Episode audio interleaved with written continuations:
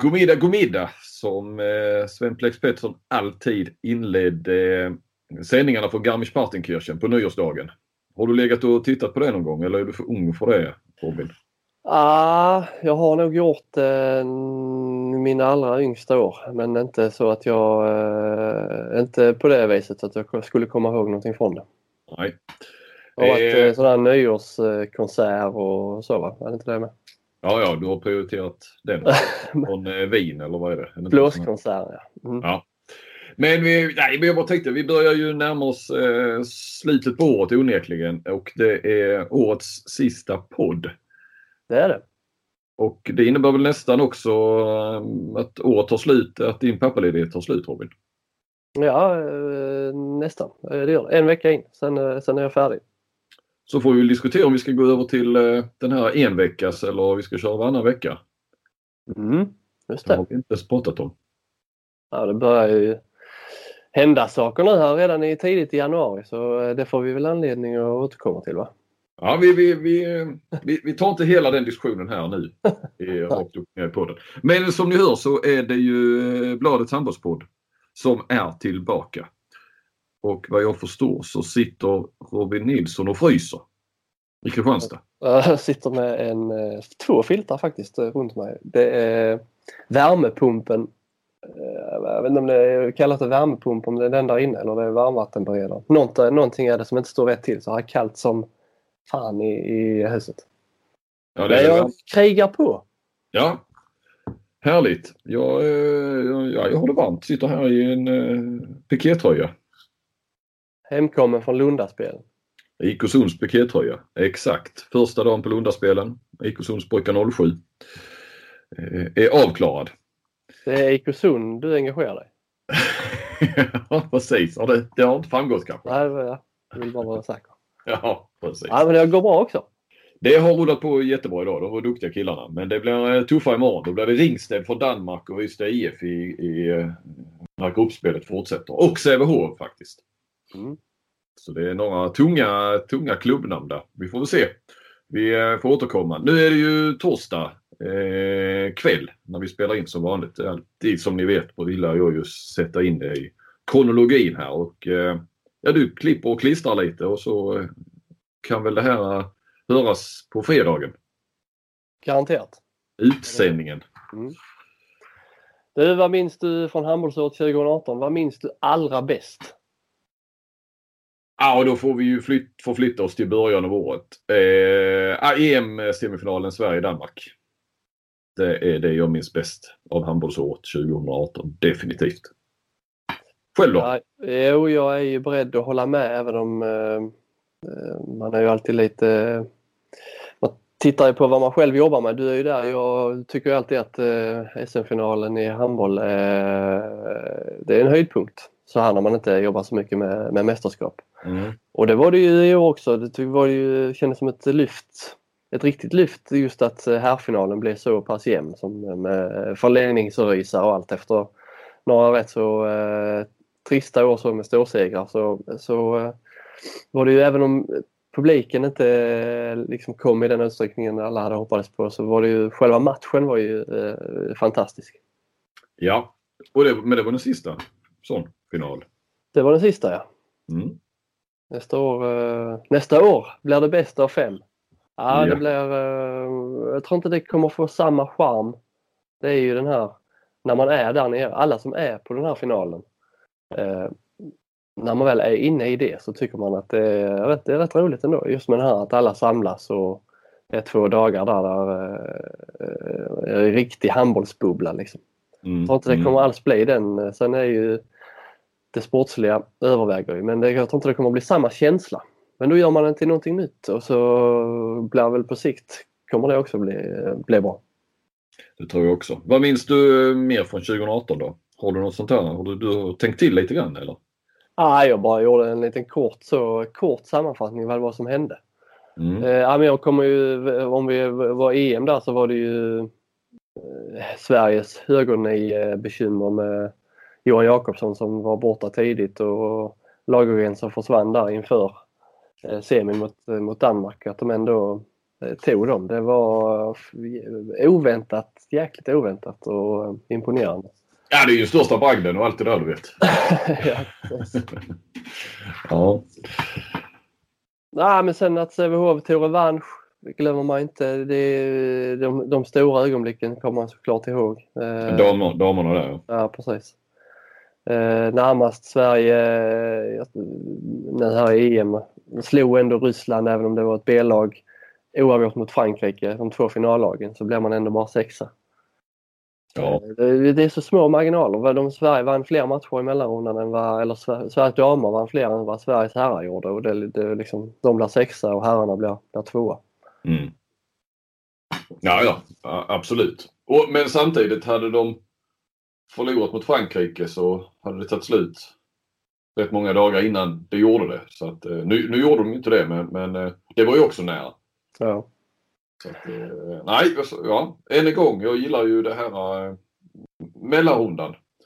Det mm. raffinerade. Det har räddat många, många mellandagar för oss eh, journalister när det gäller att spekulera i och så vidare. Och det finns ja. alltid någon OS-kvalplats längst bort i horisonten att skriva om. Och nu får vi ju mellanrunda i herrarnas VM här nu i januari. Ja.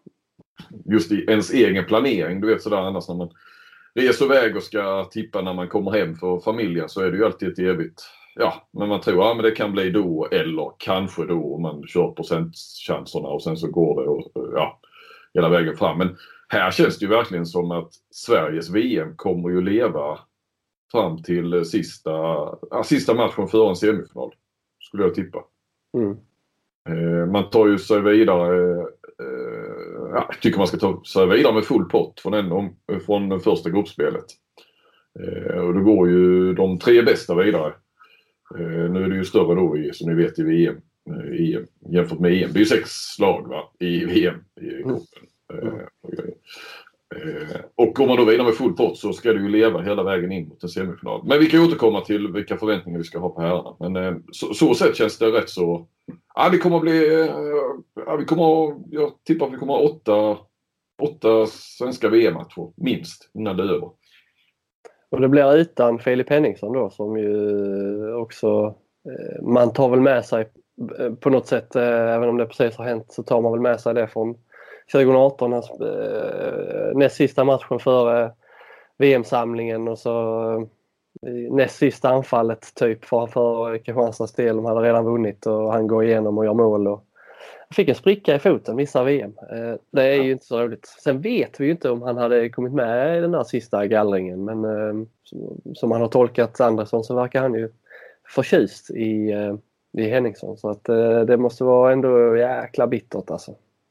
Ja, verkligen. Men nu, nu, ja, nu löste ju sig det om nu Andersson inte hade bestämt sig att tänkte låta uppladdningen och, och de matcherna där som man ska spela, låta dem vara någon sorts uttagning. Det vet man inte riktigt eller vad, vad, det var som gjorde att han tog ut då de här 18 och 17 eh, ja, 17 spelare. 17, ja, nu ska vi se. Eh, så jag räknar rätt. Eh, tre, alltså 15 utespelare var det ju. Mm. Eh, och 14 av dem skulle ju med till Danmark. Det har han ju varit tydlig med. Eh, och så ska alla tre målvakterna med. Men där Thulin är uttalad reservmålvakt redan. Mm. Eh, men, men det är ju frågan ja. Vem och, och då om Henningsson skulle kommit med. Är det min känsla lite grann. Jag tror kanske faktiskt att Simon Jeppsson skulle kunna ha, ha hängt löst. Förutsatt då att eh, då Zacke, Kim Andersson, Kim Ekdahl alla är, är, friska så, så borde det vara en vänsternia som ska ryka. Mm. I så fall. Nu löste det sig. Eh, men känslan är lite eh, Jeppsson där kanske sett till speltid och, och så han har haft i Flensburg. Men eh, man vet ju inte hur Andersson tänker. Men det är uppenbart att eh, ja, det var ju att Henningsson hängde löst får man väl lov att säga eftersom han inte tar in någon reserv för Henningsson nu. Ja, precis. precis. Mm.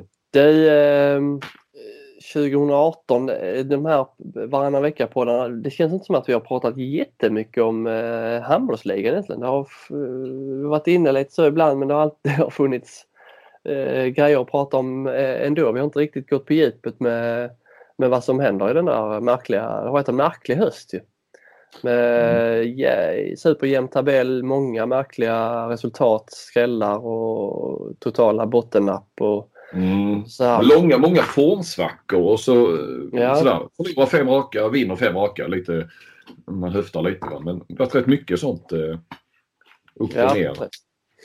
Men nu, nu, ska vi ta ett grepp. Eh, 20 ja. matcher spelade.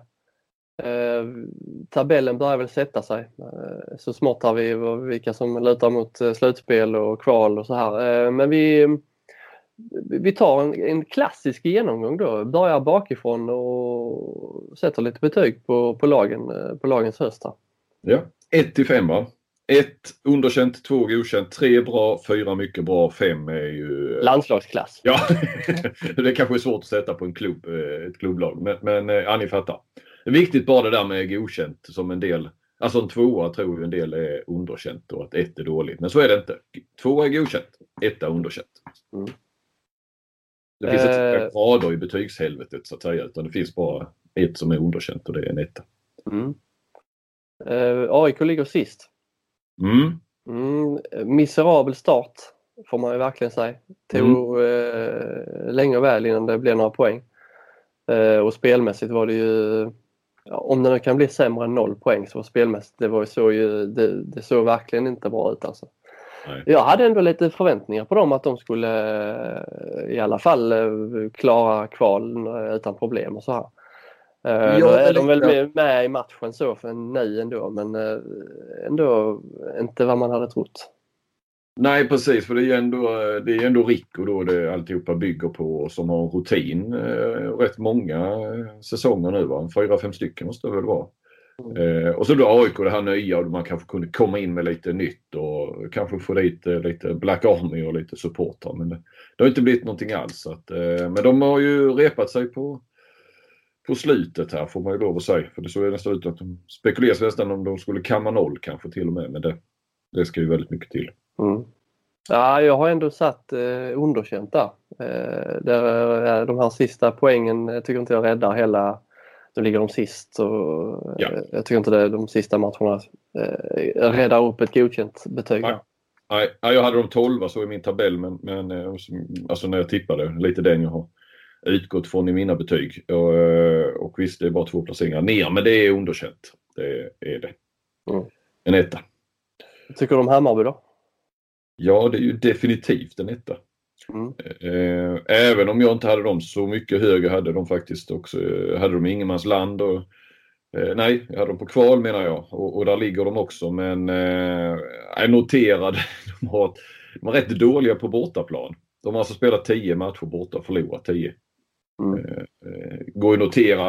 Eh, och jag vet, jag har sagt det många gånger, kan man kanske sparka på den som ligger men det är ju liksom, det var, det är ju det var inför förra säsongen va? Då det var den här, det var återigen en nystart och det var nya friska pengar in och skulder betala och femårsplaner och tillbaka i, eh, om inte kanske snacka guld så i alla fall liksom tillbaka till eh, övre halvan eller vad man nu sa. Eh, man, eh, hem med Patrik Fahlgren och eh, Larholm in som tränare och Rickard Lönn och eh, jag menar Fahlgren då som är ju en av ligans bästa spelare men jag vet inte. Det kanske handlar för mycket om Fahlgren. Jag, jag vet inte. Jag, jag, tycker att nej, nej. Det är... Jag tycker att Fahlgren har varit bra av, annars, av det, de matcherna man har sett. Så ena matchen kan en spelare vara fullständigt briljant och sen nästa match kan det vara liksom totalt under isen. Det har varit fruktansvärt ojämna prestationer från många spelare tycker jag.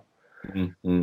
Uh, och det här sen, jag vet vi pratade om det på det med inför säsongen. Det här uh, försvarsspel, de skulle ha ett lite nytt försvarsspel de skulle spela halvoffensivt 6-0. De skulle vara blanda och ge lite där med vilken typ. Det, för det Hammarby har varit kända för sitt försvarsspel men det, de har ju släppt in fruktansvärt mycket mål.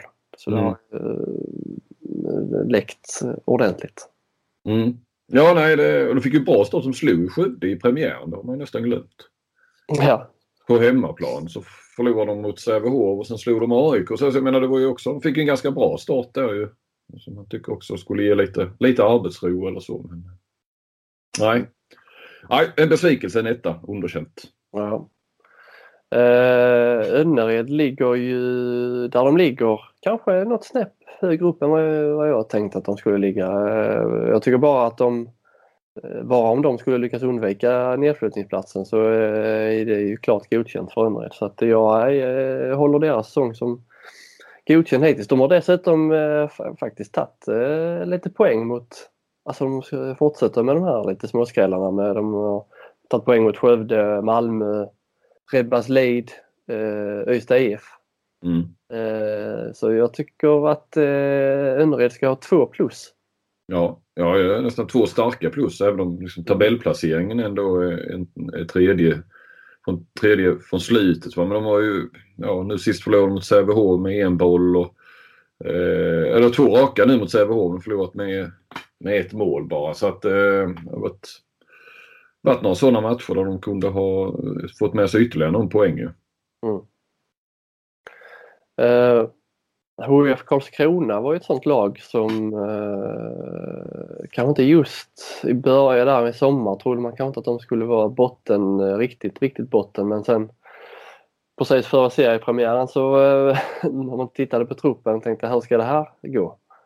Uh, man blir liksom, fler och fler trodde ju att de skulle vara i den absoluta botten. Nu har de ändå spottat upp sig och är faktiskt med eh, på allvar om att undvika den där kvalplatsen. Det hade ju inte jag trott i alla fall. Nej, jag trodde på eh, Karlskrona skulle bli sist och, och ja, det skulle stå mellan dem och Önnered. Mm. Eh, om att undvika jumbo-platsen. Nu har de ju gått jäkligt tungt här igen på slutet. Va? Men jag kommer ihåg att vi snackade väl om i början på december där eh, att eh, om Kinero var kanske eh, å, ja, höstens tränare så långt. Men då hade de ju vunnit en fem av de sex senaste där va. Men, ja, de hade ju segrar där. Kolla, då slog de Önnered, Malmö, Lig, IFK Ystad, Guif under en rätt kort period där. Mm.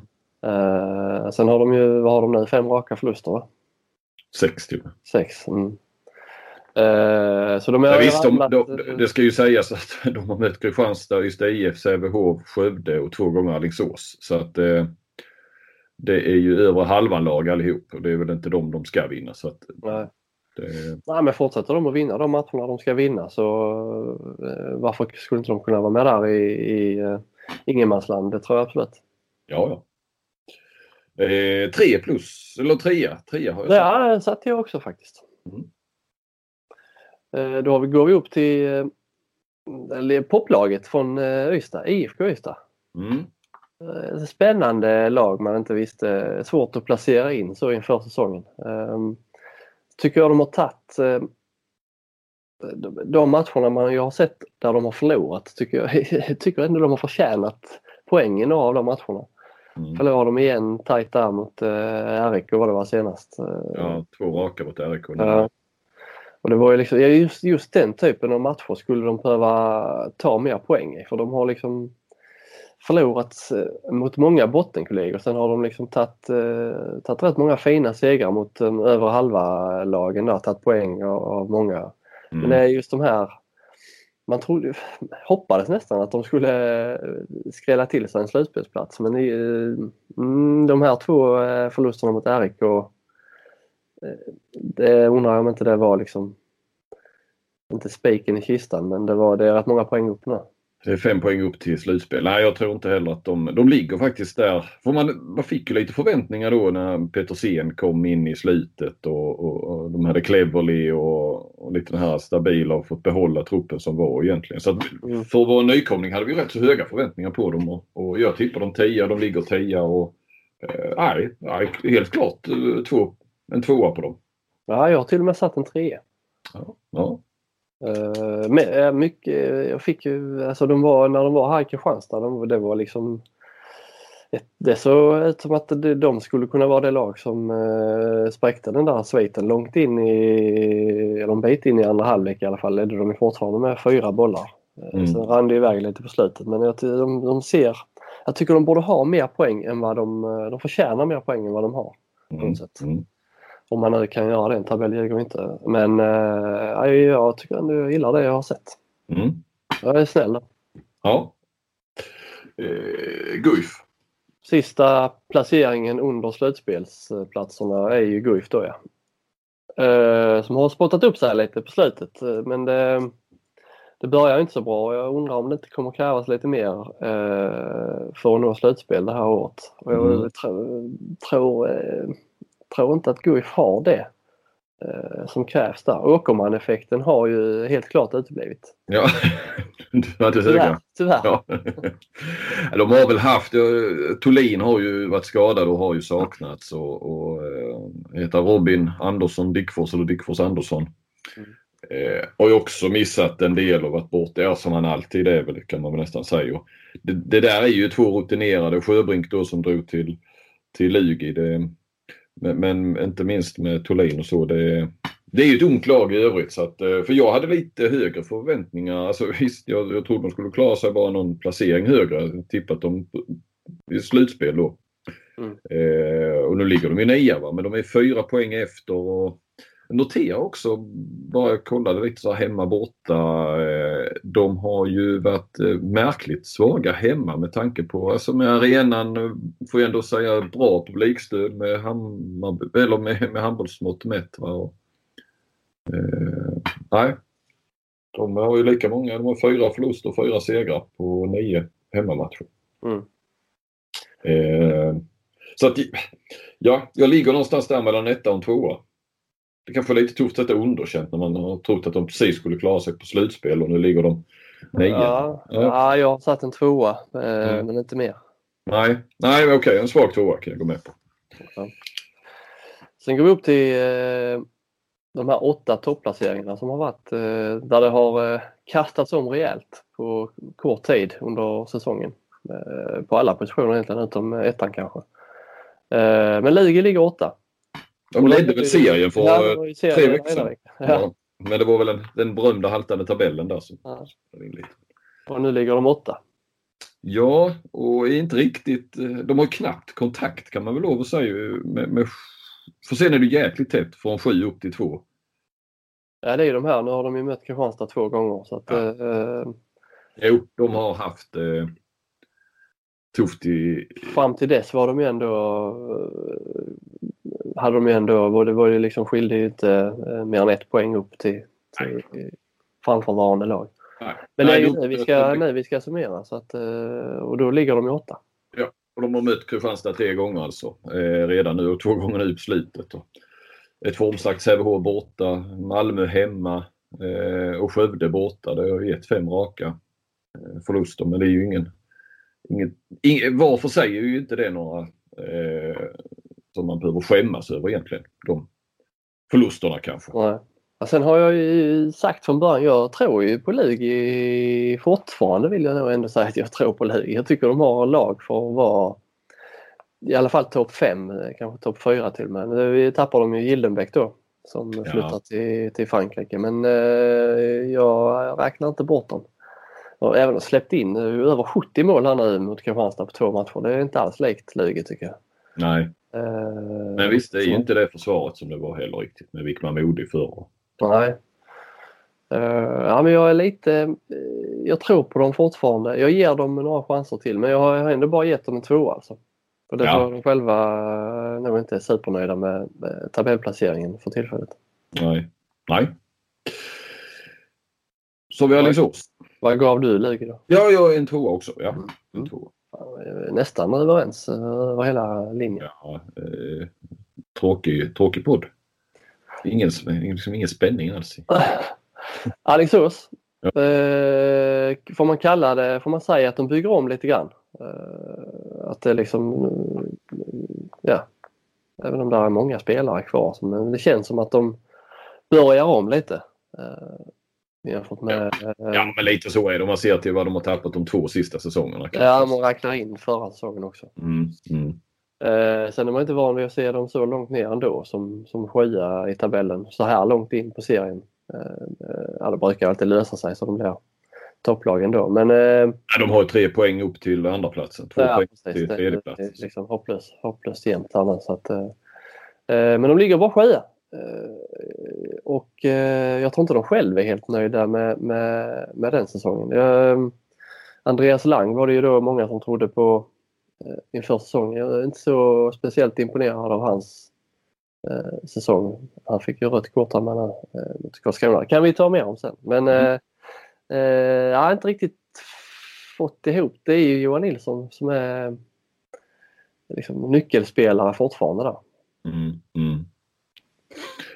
Eh, nej, och nu här på slutet här, ja visst nu har de ju tagit, eh, ja det blev ju lite så nu precis när man, man tittar lite på form och sånt här va, när, när de eh, vänder här mot lagen. Nu har Alingsås fått vända mot Karlskrona och det är ju det är lite lättare än vad Lugi får vända mot Kristianstad om man säger så. Va? Men mm. Innan dess hade förlorade de mot Hammarby och tog en poäng mot IFK Ystad. Det, det är ju sådana där, även om det var på bortaplan så är det ju ändå kanske poängtapp som man inte, som det gamla Alingsås inte hade. Det är klart de tappade också poäng ibland. Men, ja, det är väl lite sådana mm. mer eller mindre plumpar lite grann i protokollet. Två plus. Ja, samma här. Ja. Eh, Redbergs Lead, vad har, du, vad har du på dem? Ja, jag har faktiskt satt en trea där sett till. Men som sagt det är ju jättejämnt nu. Men jag tippade ju faktiskt att RIK skulle hamna utanför eh, slutspel. Mm. Eh, och nu ligger de sexa. Som sagt det är väldigt jämnt. Men det är, det är en poäng upp till tredjeplatsen och eh, de har faktiskt, eh, är ju med där och varit med och dratt ifrån Lugi lite grann. Så eh, jag trodde ju att eh, de här tappen av Ja, först var det Arnesson inför förra och sen Karlsbogård och så. Men ja, de har väl löst det får man säga rätt så bra. De har ju ligans bästa målvakt och vi vet ju vad en målvakt betyder i handboll. Så Thulin är ju, har ju varit oerhört viktig. Nu försvinner han ju efter denna säsongen. Så att de tappar ju sin MVP varje, varje säsong. Det blir tredje året i rad. Mm. Ja, det, jag har faktiskt satt en fyra på dem. Jag var helt, eh, jag trodde garanterat att de skulle vara det laget som rök när, eh, när Skövde kom med sin satsning. Eh, mm. Så tycker jag inte att det har sett ut och jag tror inte det blir så heller. Framförallt om man tittar på deras målskytte. De, det är alltid det man pratar om med Arnesson och Karlsborgård att när Arnesson försvann så vem ska göra alla de målen? Ja, då gjorde ju Karlsborgård en större del av de, de målen. Men den här säsongen det är de har många spelare som gör mål alltså. Mm, mm. Daniel Wester 38, Tobias Johansson 65, Oliver Wigmark 58. Eh, Emil Mellegård 36, August Wiger, kul spelare tycker jag. Mm. Eh, Niklas Från 51. Ja. Mm. Oskar Usander har gjort eh, har en jävla bra procent från, från linjen. 82 procent, 55. Inte bara, inte bara utvisningar, inte hög procent. Ja, jag är imponerad. Jag tycker att de... Eh, RIK är helt klart det lag som har imponerat mest på mig. Alltså sett till vad man eh, hade för förutsättningar och förväntningar. Mm.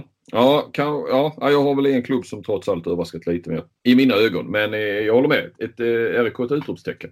Mm. Absolut. Bra jobb av eh. Får man säga.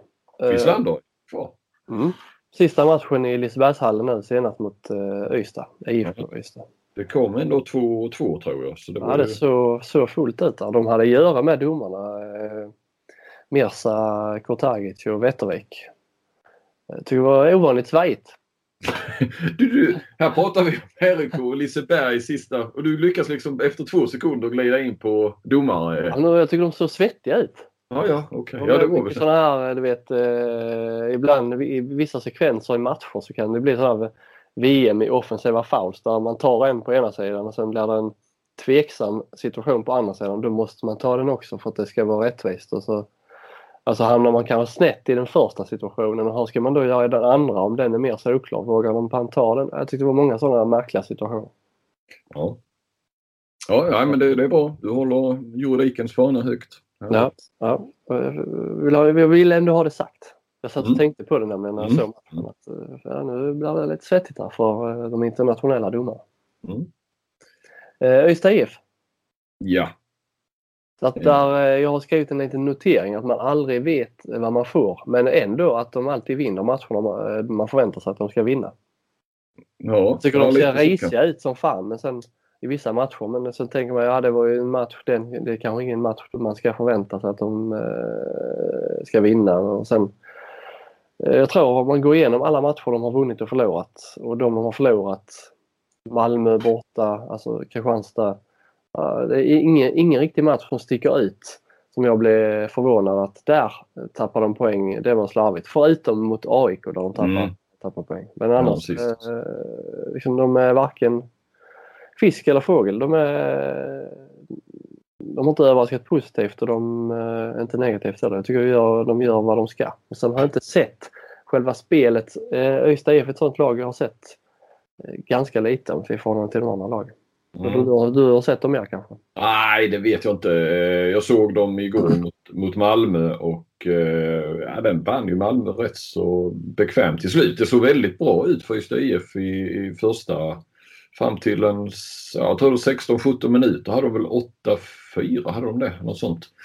Eh, så såg rätt så, ja, det såg stabilt ut. Eh, men sen så vände ju Malmö på det där och, och vann rätt så komfortabelt till slut kan man nästan säga. Men eh, nej, jag vet inte. De, de fick väl inte riktigt Anders Persson där. Langen kom in och var rätt så bra men eh, Kim Andersson så, de gick ut på en eh, sned 5-1 Malmö. Eh, det hade ju Ystad lyckats lösa i matchen före i och med nu serien vände men gjorde de inte, de låg ju då på Kim Andersson. Och, Eh, ja, nej det var väl inte sådär Kim som har varit eh, så bra i tidigare höst. Det var, här var väl inte någon av hans stora matcher. Det var lite nästan tillbaka lite grann det där han såg ut som att han inte tyckte eh, att det var så roligt eller sådär liksom du vet såhär punktade igen ungefär eller så. Mm. Eh, var, man tycker ju liksom ändå så kan han ju explodera man vet då är han ju sådär överlägsen och bara går igenom och ja, ostoppbar liksom i sitt eget eh, med sitt eget skytte, sitt eget läge och sådär. Men det kom aldrig in i det riktigt i, igår. Kan jag vara chockad efter att ha hört eh, imitationen i förra podden. Ja. kan jag tro att han lyssnar. Men eh, ja, nej nej och jag skulle ju säga den här kritiken har ingenting med, med, med det att göra liksom. Det, det, det, det där är väl överspelat för tillfället i varje fall. Tills, vi, tills jag träffar honom igen. Så det, det har inte med det att göra. Men, men det var inte sådär, eh, och det var ju flera, det var ju flera som underpresterade i, i ÖIF. Jag, jag tycker till exempel att, att, att de inte de inte kan få till mer på linjen, alltså linjeinspel, linjemål. Eh, Lipovac som ändå skulle bli årets värvning, trodde ju många. Eh, i, alltså sett till hela ligan. Va? Det känns inte som han har varit det så här långt. Och, ja, man tycker då med Kim Andersson och hans spelsinne och hans eh, hand eh, och, och, även det andra, liksom bra 9 meters. Det, det, det, det, så, ja, problemet är väl att det är bara, bara Kim som hittar in till honom. Eh. Ja, jo, men man tycker ändå att det finns så pass mycket skytte i, i, på 9 meter att det, det borde bli eh, luckor bakom. Som sagt, nu kanske jag är för mycket Lundaspelen och brukar 07. Men det är sådär klassiskt ändå. Om du har lite skytte så måste du komma ut och då borde det bli luckor bakom. Men du måste ju kunna spela in och du måste ju eh, hamna rätt i de där. Så att jag, jag, ska inte, jag har sett dem för lite för att göra den, den stora analysen av det. Men, men någonstans så så det är ju inget litet eh, kortvuxet eh, lag Ystad IF där, där man kan ligga lågt på om du förstår ja. vad jag menar. Ja. Kim Andersson leder faktiskt assistligan. Jag har lovat att hålla lite koll på den nu här under säsongen när inte Henrik Olsson är med. Ja. Uh, han leder den överlägset va? Nej det gör han inte. Det känns som att det har hänt något med, med statistiken den här säsongen. Det är jämnt. Ja, Kim Andersson, Tobias Nordahl, Karlskrona är helt uh, lite ett oväntat namn. De ligger och toppar. Ja, de, de har ryckt i toppen. Okay. Uh, uh, så Nordahl skulle jag väl säga är mer av en dark horse där än Henrik Olsson-figur. Som... Men jag, jag, ser inga sådana tendenser till att det skulle vara assistfusk uh, i år som jag gjorde. Nej, nej, men du har ju ändå... Han spelar ju i AIK. Och vem, vem, det är väl samma som bokförde nej, nej, Nordahl spelar ju i Karlskrona. Ja, ja. Fan, du stod stilla. Ja. Filip Jonsson, det, det Filip Jonsson däremot trodde jag att han skulle bli Henrik Olssons arvtagare i assistligan. Han har rasat till en nionde plats. Så eh, ja, jag vet inte om AIK har bytt ut organisationen där kring matcherna. Det är möjligt. Ja, eller så... Eh, ja, precis. Så kan det vara. Men jag lovar... Eller var Henrik Olsson bara fruktansvärt bra helt enkelt? På... Ah, jag är inte beredd att göra det konstaterandet riktigt än. Nej. Uh, ja, uh, var vi färdiga med det? Tvåa. tvåa ja, jag har, jag, har, ja, jag, kan, jag har satt en trea faktiskt. Mm. Ja, jag känner jag ligger lite lågt kanske i mina betyg. Det, det, det, det är jag böjd att hålla med om. Jag, jag, jag tippade dem att de ska sluta, jag tippade att de ska sluta tvåa. Det kan de mycket väl göra. Ja, precis. Men ja. ja men de ju, det här var ju kanske nu de kanske skulle utmana kändes det ju som. Eh, Kristianstad. Mm. Mm. Ja, jag, jag, är nog snarare beredd att säga att det är jag som har lagt mig lite för högt just när det gäller Ystad IF. Mm. Vi går vidare till Sävehof. Som efter en eh, svajig start får man väl ändå säga att den där Stockenberg eh, han har väckt handbollsguden på rätt sida. Och... Kom inte in på guden igen. du... ja, men vadå, du vet, det, tränarna och spelarna har ingenting med det att göra. Handbollsguden bestämmer. Jo. Men du hör aldrig Ola Lindgren prata om eh, någon handbollsgud? en annan syn på det som händer på handbollsplanen, var, var det kommer från, vad det beror på. Eh, ja, han är kanske inte speciellt religiös, nej, det, det är möjligt. Men äh, ibland så känner jag kanske att äh, ja, man svänger sig där med handbollsguden. Det kan också vara ett sätt att någonstans äh, förklara bort kanske en del äh, förluster. Eller? Mm, eller ja. liksom mindre lyckade prestationer eller sådär. Att, ah, jag fattar ju också att det är med glimten i ögat handbollsguden. Det är klart att, att uh, tränare och så vidare och spelare får ju ta sitt, och det gör de säkert, sitt ansvar. Men, men uh, ah, det, ibland är det lite lättvindigt. Det var det jag menade. Du hör aldrig Ola Lindgren prata om eh, någon handbollsgud. Det var inte han som, det var inte någon handbollsgud som var inne och, och när de förlorade mot Sävehof då när jag följde dem till exempel. Nej.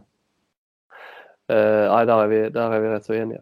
Eh, ja. Med det sagt så eh, Sävehof har ju ändå klättrat i, i tabellen och tycker att de eh, börjar väl få ut mer av den potential som man ändå besitter med, med det laget man har. Eh, just nu tycker jag att man ligger där man ska ligga. Man ska vara ett topp top 5-lag i alla fall, eh, Sävehof. Mm. Eh, så jag har gett dem också en trea faktiskt. Mm. Ja, då, då jag, ja, precis. De ligger där, där jag tippade dem, fyra och i min värld är det då godkänt. Ja.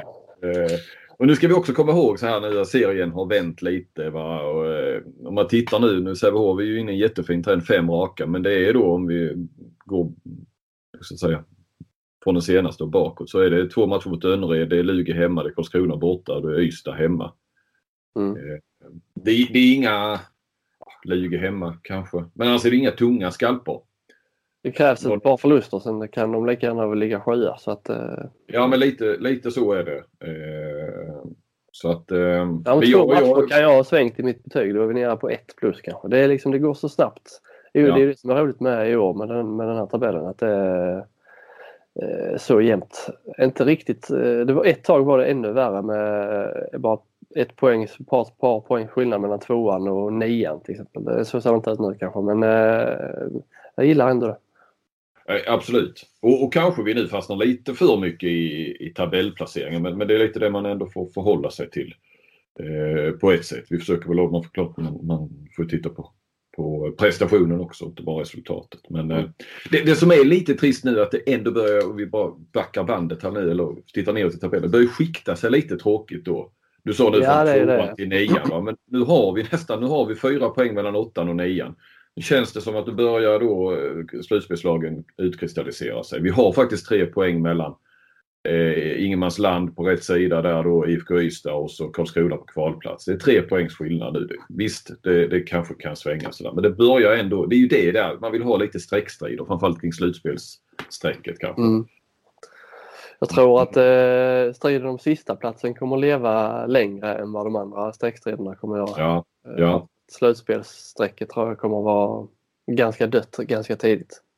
Ja, tyvärr. Och, och då är det ju de lagen vi trodde väl, förutom jag hade då RIK under strecket och Guif över. Mm. Eh, ja, annars är det lite de vi trodde. Men vi fortsätter att titta då. Då har vi Malmö. Eh, Malmö har jag satt två plus på, trots att man ligger tre alltså. Eh, däremot är man ju final, man tog alltså SM-finalen till förlängning man tappade Petersen, man fick in Nisse Pettersson. Eh, tappade Linus Persson som kanske är ännu tyngre, eh, mer betydelsefull i, spelet. Så, men jag tycker ändå man ligger långt, långt, långt efter Kristianstad. Och sen har man ju de här ofattbara Malmö har ju varit inblandade i sådana extremt märkliga matcher under året där man har tappat poäng mot AIK och tappat poäng mot Önnered, IFK mm. Ystad, Karlskrona.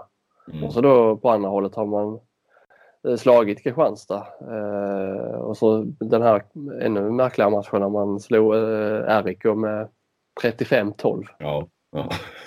Så Malmö är svåra att betygsätta, svåra att få grepp om, svåra, svåra att veta vad man ska...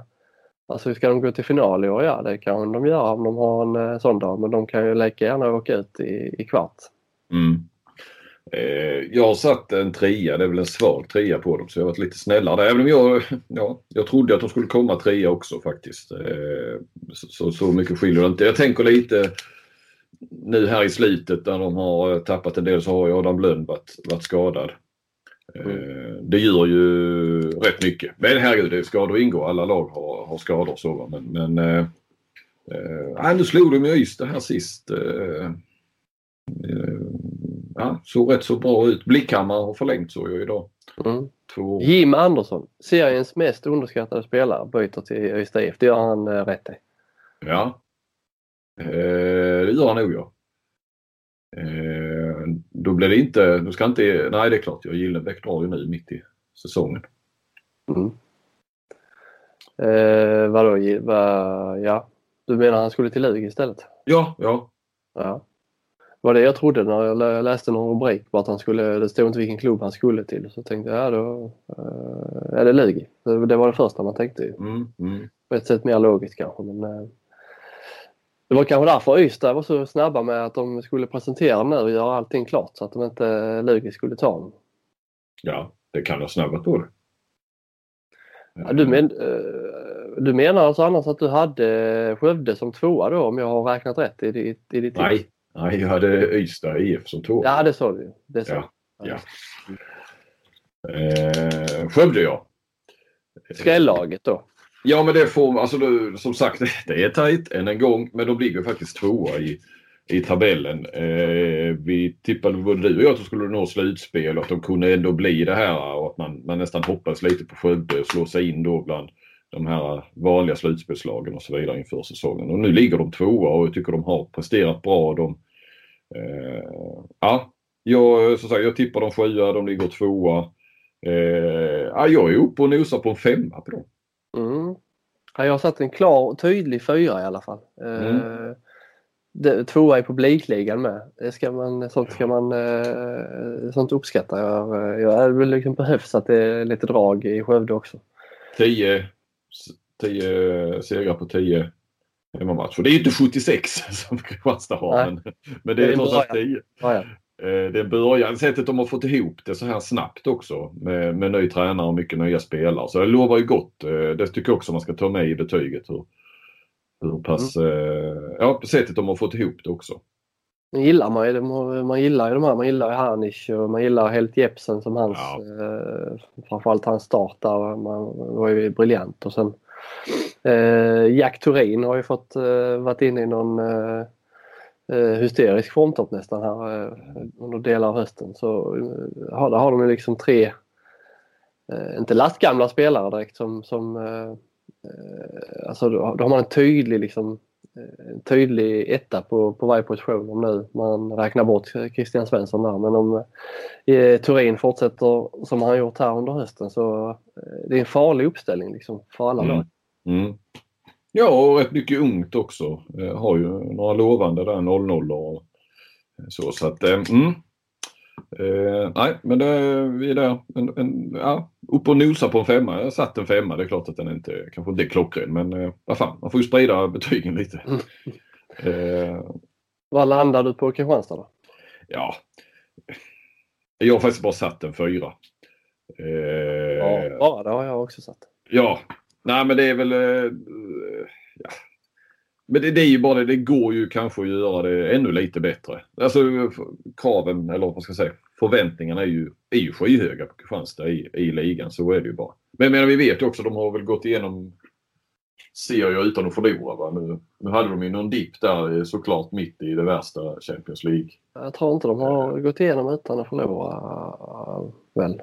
Inte, Nej, det kanske de äh, inte, inte gjorde. Det här. Ja, det var ju för ett par, tre år sedan. Så det kanske är tre år sedan. De vann ju så ligan så fruktansvärt överlägset. Ja. Eh, men här har de ju, alltså, när det bara varit full, alltså omgången har varit fullspelade, så de har ju lätt från start och kommer göra det till mål och eh, ja, man kan ju inte göra det så mycket bättre egentligen. De håller den här ja, det var som det var, det var den. De hade tre raka bortaförluster där ett tag som ställde till det mitt i Champions League-spelandet också där eh, annars. Tittar man nu här efter eh, när Champions League har tagit lite paus och de kör fullt eh, första uppställning i, i ligan också så har de ju varit eh, lysande. Hela första sexan eller första de centrala fyra spelarna kan man säga har varit eh, riktigt lysande. Alltså med, jag tänker då på Gudmundsson, eh, Kaneas, Stig-Tor Moen och eh, Arnar Arnarsson. Mm. De fyra jag skulle till och med vilja vara beredd att gå så långt att, de, att högsta nivån där med de fyra eh, som man har sett här nu under delar av hösten eh, har varit vassare än eh, det de hade förra säsongen. Ja, ja så kanske det. Du, du har ju bättre koll på dem. En, jag har sett Kristianstad eh, mer än de andra lagen såklart. Eh, mm. Men eh, och räknar väl in lite Champions League också i det. Liksom man har sett av eh, Moen och Arnason där framförallt som har varit eh, att Moen eh, skulle ta så stora kliv eh, redan här så tidigt. Eh, det trodde jag, eh, alltså när han, när han var tydlig, tydlig etta. Eh, han har städat bort. Innan var han ju liksom, det var High Chaparral med, kunde vara bra i 10 minuter och usel i 10 minuter. Men här har han varit riktigt riktigt stabil på riktigt hög högsta nivå och riktigt hög lägsta nivå också. Jag tittade ju på, jag hade fokus på Malmö och Ystad igår men jag tittade lite på Kristianstad-Luga också. Jag var tänkte Gudmundsson också. Jag har ju alltid varit svag för honom och hållit honom som en av ligans bästa spelare mm. under alla år. Och nu när han fick vara, fått vara lite frisk nu och, och belastningen inte är så hård med Champions League så, där, så, så kliver han fram och vad gjorde han? 11 igår eller? Mm, 11 spelmål då va? Mm. Eh, visade klassen. Och, eh, sen noterade jag bara Anton Hallén eh, är alltså 80-procentig. Mm. Det är rätt hyfsat från kanten. Visst det är väl en hel del, eh, hel del kontringsmål såklart. Han är skick där. Målvaktsparet är väl kanske de som egentligen har varit i ligan varit bäst. Ja om man tittar som helhet eh, kanske. Jag har sett internt alltså i, mm. på, på, eh, materialet. Sen är, får man väl hålla med om Ola Linge. Jag kan förstå honom lite kanske att att eh, andra uppställningen inte riktigt har, har levererat på samma... Nej, så bredden där är ju inte, det var vi inne på eh, för någon podd som med. Det är, skillnaden mellan första och andra uppställningen är ju större i år än vad den har varit tidigare. Mm, mm. Eh, rätt så tydlig, tydlig skillnad. Absolut. Eh, men, men sen liksom man tänker lite på Champions League också med den gruppen de hamnar i och att de ändå har eh, rätt så hyfsade chanser fortfarande och, och ta sig Det kan liksom räcka att de slår eh, Brest borta. Ja. Eh, ja, ja och då, då snackar vi ju en femma sett till totala säsongen. Men nu är det ju ligan så så eh, ja, då är de ju min, en stark fyra. Mm. Får säga ändå. Men hade de då, visst, hade de gått obesegrade då måste man kunna höja betyget ett snäpp så där, därför, därför blir det bara fyra. Mm. Ja, jag håller, ja, vi lägger oss där. Mm. Eh, det var det hela eh, för den genomgången. Mm. Hej, I'm Ryan Reynolds. Recently, I asked Mint Mobiles legal team if big wireless companies are allowed to raise prices due to inflation. They said yes. And then when I asked if raising prices technically violates those onerous two-year contracts, they said, what the f*** are you talking about, you insane Hollywood ass?" So to recap, we're cutting the price of Mint Unlimited from $30 a month to just $15 a month. Give it a try at mintmobile.com slash switch. $45 up front for three months plus taxes and fees. Promo for new customers for limited time. Unlimited more than 40 gigabytes per month. Slows. Full terms at mintmobile.com.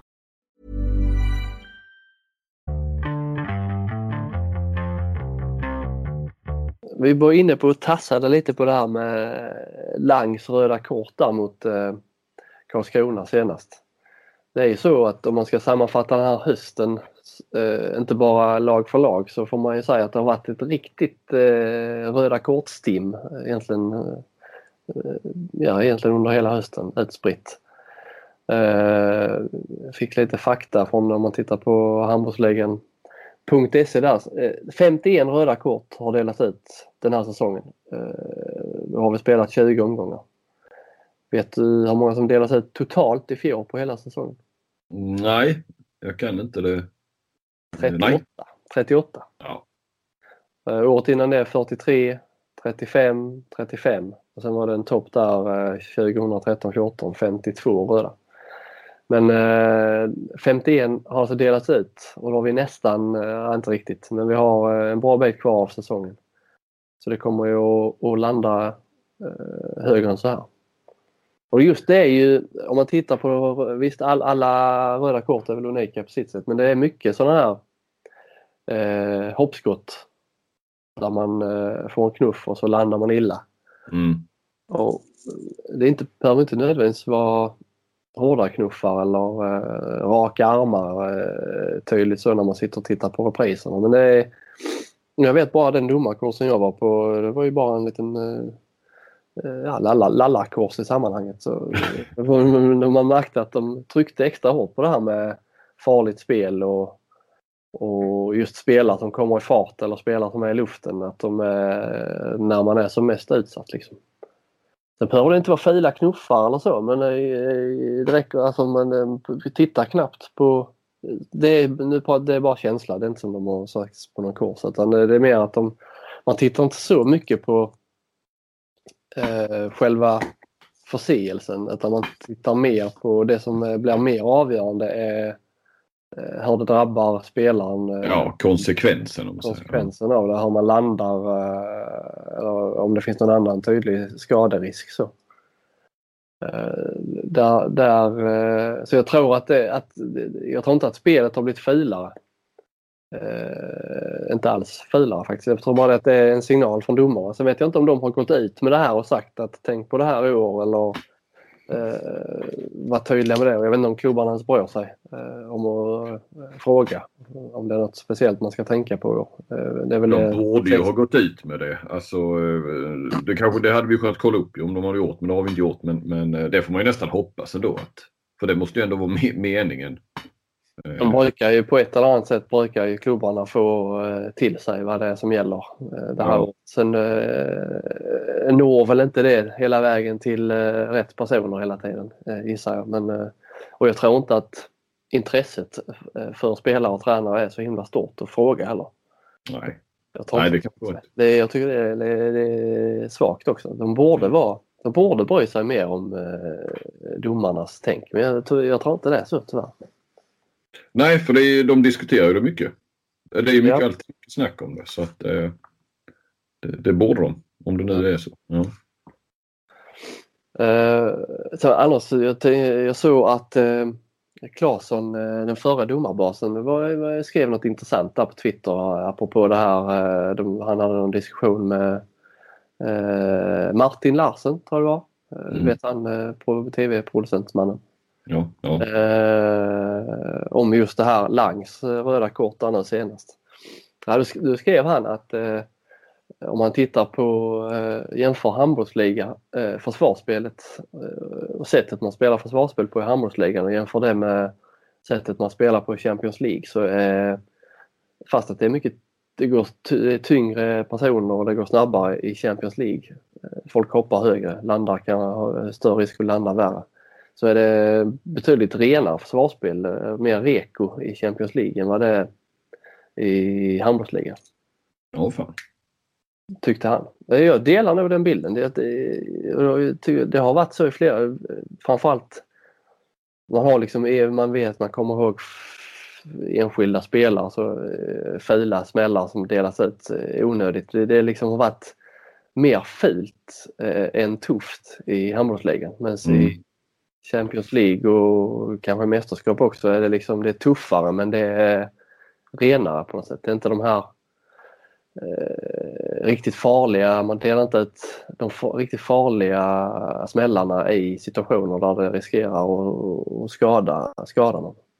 Är det för att liksom kvaliteten och kunskapen på något vis är större i Champions League och landslag på den nivån? För på ett vis står ju ännu mer på spel kan man ju tycka, ja med allt ekonomi och Ja, men han var inne på det, Claesson, där, att det hade med just kvalitet på försvarstänk och, och ett, annat, eh, ett annat sätt att spela försvarsspel. Mm. Inte de här liksom, det är ett evigt knuffande tycker jag i de, bland, i de svenska försvaren. Det är knuff, knuff, knuff. Men man ser, det ser man också internationellt, det är ju fasthållningar, inte, är, man ser mer fasthållningar, det är inte så farligt.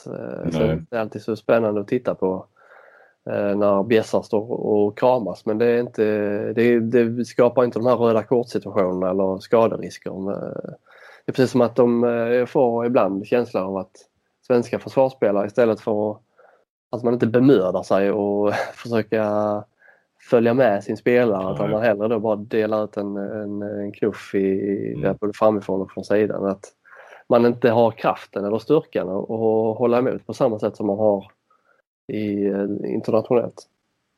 Nej, nej. Där försvarsspelare internationellt är ju, är ju större och starkare såklart. Så men det finns ju en annan...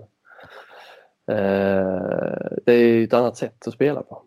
Eh, jag, jag, när jag såg att han hade skrev där, Claesson, jag, det tändes en lampa. Jag, jag tycker han har helt rätt i det. Mm, mm. Eh, det är kul att prata röda kort. Vi ska också ha en domarranking men eh, har jag lovat några som har undrat. Eh, Okej. Ja, det, men... Eh, ranka topp fem domare. Det ska vi göra men eh, det ska vi göra lite senare eh, under säsongen. Mm. Då får du, du ta ett huvudansvar för. Ja, det kan jag göra. En annan, eh, annan kunskap där. Nej, det vet jag fan om jag har men jag tittar nog mer på domare än vad du gör. Ja, det, ja, det gör du. Du, du har aldrig varit särskilt intresserad av domare? Nej, men de ska ju inte synas. Då är de ju som bäst. Eller, ja. eller det är i fotboll man säger så. Jo, nej, det är väl så. Ja. Eh, nej, nej, det stämmer det att jag inte har. Eh, eh det var eh, 2018 års sista avsnitt va, Flink? Har du något mer att tillägga? Nej. Nej. Nej. Du, men du vänder också blad och så går vi ut mm. och kommer in starkare 2019 när eh, handbolls-VM börjar. Ja, men så gör vi. Det blir bra. Så tackar vi för idag och för visat intresse. Absolut. Tack så du ha. Ha det bra. Hej.